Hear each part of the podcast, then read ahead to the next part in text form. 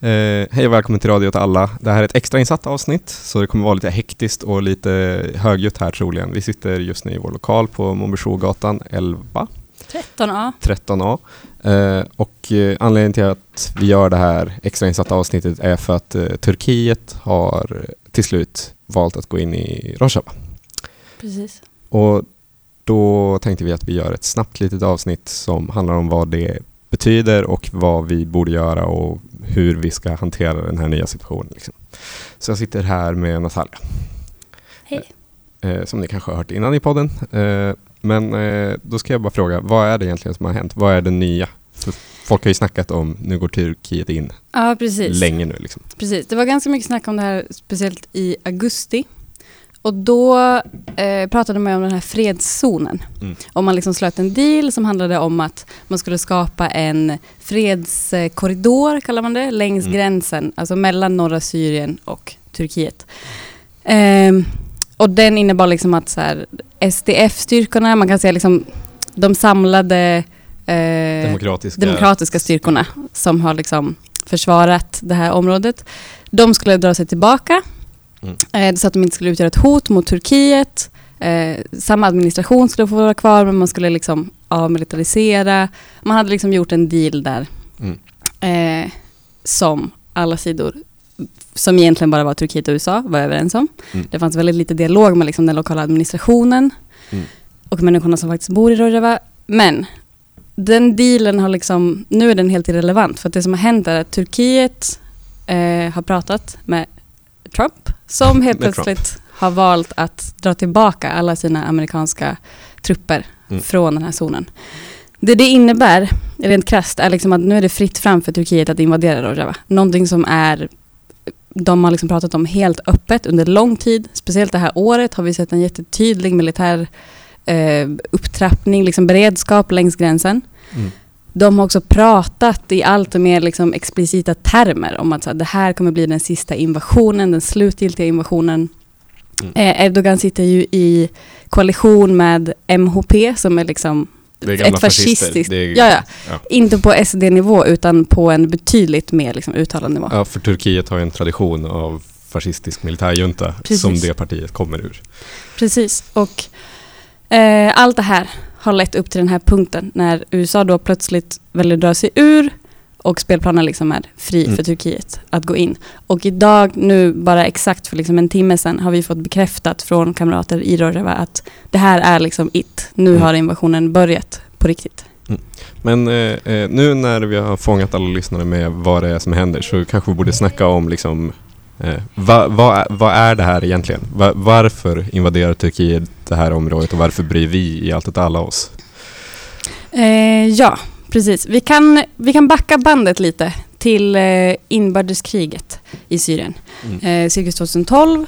Då drar liksom staten tillbaka sig från det här Mm. området. Och det som händer då är att eh, YPG och YPJ, som är kurdiska självförsvarsstyrkor, de styr upp det här kan säga. De försvarar dem liksom från IS Mm. och man erbjuder och börjar implementera en direkt demokratisk samhällsordning. Mm. Eh, det här är det som man refererar till som revolutionen i Mm. Rojava. Och sen så har det här liksom vuxit under Mm. sju år. Eh, man har liksom etablerat strukturer. ehm, det har blivit liksom allt mer och mer etablerat och djupgående och eh, som de flesta vet så besegrades ju liksom IS, kalifatet föll. Det här var ju tack vare liksom de, Ja. eh, de här styrkorna, de demokratiska styrkorna som också refereras till som SDF, som är liksom de samlade Mm. eh, styrkorna i det här området. Ehm, och anledningen till att Turkiet så gärna vill gå in och få göra det här har väl två delar kan man säga. Dels så finns en jättelång historia av att vilja utrota minoriteter. Mm. Man har försökt begå folkmord på kurder tidigare och Mm. inte lyckats. Ehm, och det vill man fortfarande göra. Och den andra delen är att eh, i Rojava så har man lyckats bygga upp någonting på en pluralistisk, feministisk, ekologisk grund. Mm. På riktigt. Det är liksom, I praktiken så samlever olika minoriteter. Mm. Man aktivt jobbar för en samhällsutveckling som är exakt det motsatta som Mm. Turkiet jobbar för. Jag, för det, jag tycker inte man kan riktigt förstå det som händer utan att tänka liksom vad som händer även i Turkiet. För det, alltså det är inte en slump att det här att det är samma land som också utövar grov repression mot HDP som är deras stora vänsterparti som också är extremt eh, vettiga och inspirerande. Precis. Och liksom, det är inte ett strikt kurdiskt parti utan det är ett parti liksom som kommer från de kurdiska regionerna men också eh, liksom fick mycket, mycket, mycket större makt än någon kunde förutse. Och då möttes de av grov repression. Liksom. Så jag tror att det här angreppet mot Rojava är ju också ett angrepp mot liksom, det, det är byggt på en rädsla av liksom, den rörelsen. Absolut. Och sen en etnisk dimension därtill liksom, som gör det bara mycket mer obehagligt. Precis, så är det absolut. Alltså, repressionen i Turkiet är extremt eh, öppen, tydlig. Ehm, man avsatte ju bland annat eh, tre borgmästare som var liksom Ja. demokratiskt valda eh, och ersatte dem med bara random så statligt valda puppets. Liksom. Mm. Ehm, Och det är bara den senaste gången det Precis. händer. Liksom. Utöver det här så sitter det ju liksom tusentals eh, kurdiska aktivister men också alltså, turkiska aktivister som har engagerat sig i den här frågan och som Ja. valt att lyfta det här. Från turkisk håll så vill man helt enkelt liksom sudda ut allt vad som handlar om eh, liksom kurdisk frigörelse, eh, någon form av alternativ syn på vad samhället skulle kunna Mm. vara. Alltså alternativ till grov militärfascism. Exakt. Det är liksom den skalan vi jobbar på. Exakt. Eh, Men nu har vi snackat om vad, lite vad som händer. Vi har snackat lite om vad det är. eh, Men vi har inte riktigt gått in på varför man egentligen som lokal Malmöbo ska bry sig. För det Nej. tycker vi, vi ju att man ska. Mm. Det här, som jag ser det så, så finns det liksom tre huvudsakliga skäl till varför man borde bry sig om det här. Det första är att det den här invasionen betyder Mm. och kommer innebära, högst troligt, är ett, ett folkmordsförsök. Ja. Eh, och redan där så tänker jag att det tillhör allmän Ja. anständighet att Ja. försöka göra vad man kan för att förhindra en sån grej. Ehm, det andra skälet som jag tänker att väldigt många personer även utanför liksom vår rörelse Mm. kan tänka sig att bry sig om och som därför är Mm. bra att ta upp är att i det här området så hålls det cirkus 12 000 IS-fångar. Ja. Alltså personer som, som sitter fängslade för att de har varit aktiva IS-soldater. Eh, och de hålls under förhållanden som inte är optimala för att det finns egentligen inte resurser till Nej. att liksom administrera det här. Man har bett om förstärkning under jätte- jättelång tid, liksom bett att Europa ska ta hem sina medborgare och sådär. Och man har också gått ut och sagt väldigt tydligt att om det sker en invasion så kommer vi inte ha resurser att kunna Ja. hålla dem. Vi kan liksom inte både försvara oss och hålla de här fängelserna. Så då Mm. kommer vi vara tvungna att liksom överge det. Så Mm. det finns en enorm risk att de här högst radikala aktiva IS-soldaterna eh, flyr och kan återetablera Mm. IS i den här regionen. Och det här är liksom verkligen... Eh, man pratar om att kalifatet föll och det är absolut så att liksom man har haft mm, kontroll över det men det är inte så att de här tendenserna eller idéerna liksom utraderade och det här är en, en stor fara. Det skulle innebära en jättestor fara om de här människorna lyckas fly. Eh, det Rojava har inneburit, dels för de människorna som, som liksom bor där och lever där, men också bara som demokratiskt projekt, är någonting enormt. Här har man liksom lyckats med ett samhällsbygge som har direktdemokratiska principer, där kvinnor finns representerade i alla beslutande församlingar, där man omfamnar pluralism, man har liksom en, en religionsfrihet och Mm. lyckas ändå hålla isär religionen från styret. Eh, det är en jättestora vinster Mm. som man har lyckats med i det här området och allt det riskerar att förintas. Så vad kan man göra då?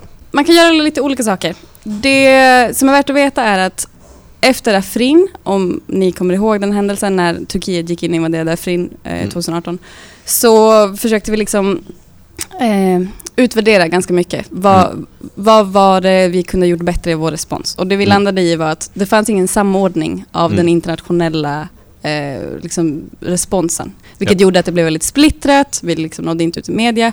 Så sen dess har man jobbat fram en plattform som heter Rise Up for Rojava, som är navet för det internationella stödet. Mm. Och via den så har vi tagit fram en plan som heter Day X. Och Mm. den går ut på att Day X är dagen när Turkiet invaderar, vilket hände nu idag. Mm. Dagen efter så ska det ske en samordnad eh, reaktion. Mm. Så i alla städer i världen där Rojava har vänner, har stöd, så går vi ut dagen efter aktionen, alltså imorgon, Mm. på bäst lämpade torg och liksom visar vårt motstånd mot det här. Mm. Ehm, det, här det här är ju liksom ett sätt att försöka hantera att media vill väldigt ogärna skriva Mm. de här sakerna. När Afrin invaderades så var det 10 000 personer som marschade i Stockholm och det Ja. skrevs knappt om Ja. det. Vi måste liksom ta det i beaktskap och försöka att, att vara så samlade som möjligt för att ha en chans att nå ut. Det är Mm. extremt viktigt att vi liksom gör gemensam sak, mobiliserar så mycket folk som möjligt. För det är på sånt sätt som vi faktiskt kan vara till hjälp för Rojava. Ehm, det kommer upp via Rojava-kommittéernas eh, Facebook-sida kommer alla event för alla städer som har demonstrationer att komma upp. Om man bor i en stad där man ser att det inte händer någonting, om man vill dra något så kan man kontakta oss. Mm. Eh, vi hjälper till att fixa ett event. Eh, del två av den här planen är att vi vill att det ska finnas konkreta saker för folk att göra, mer Mm. än att bara gå på en demonstration. Ehm, ett exempel på en sån sak är ju till exempel att uppmärksamma den vapenexporten som Sverige står för. Eh, både Saab, SSAB är två exempel på företag som faktiskt är med och möjliggör de här militära vedervärdigheterna. Eh, och jag tror att det kan vara ett sätt också för oss att få upp den här frågan på dagordningen. Mm. Eh, för tyvärr så räcker det inte med att det är ett folkmord som sker. Nej. Det måste finnas en svensk koppling för att media ska plocka upp det här och för att det ska få spridning. Och att blockera, demonstrera utanför de här företagen är ett sätt att Mm. liksom göra frågan mer omedelbar.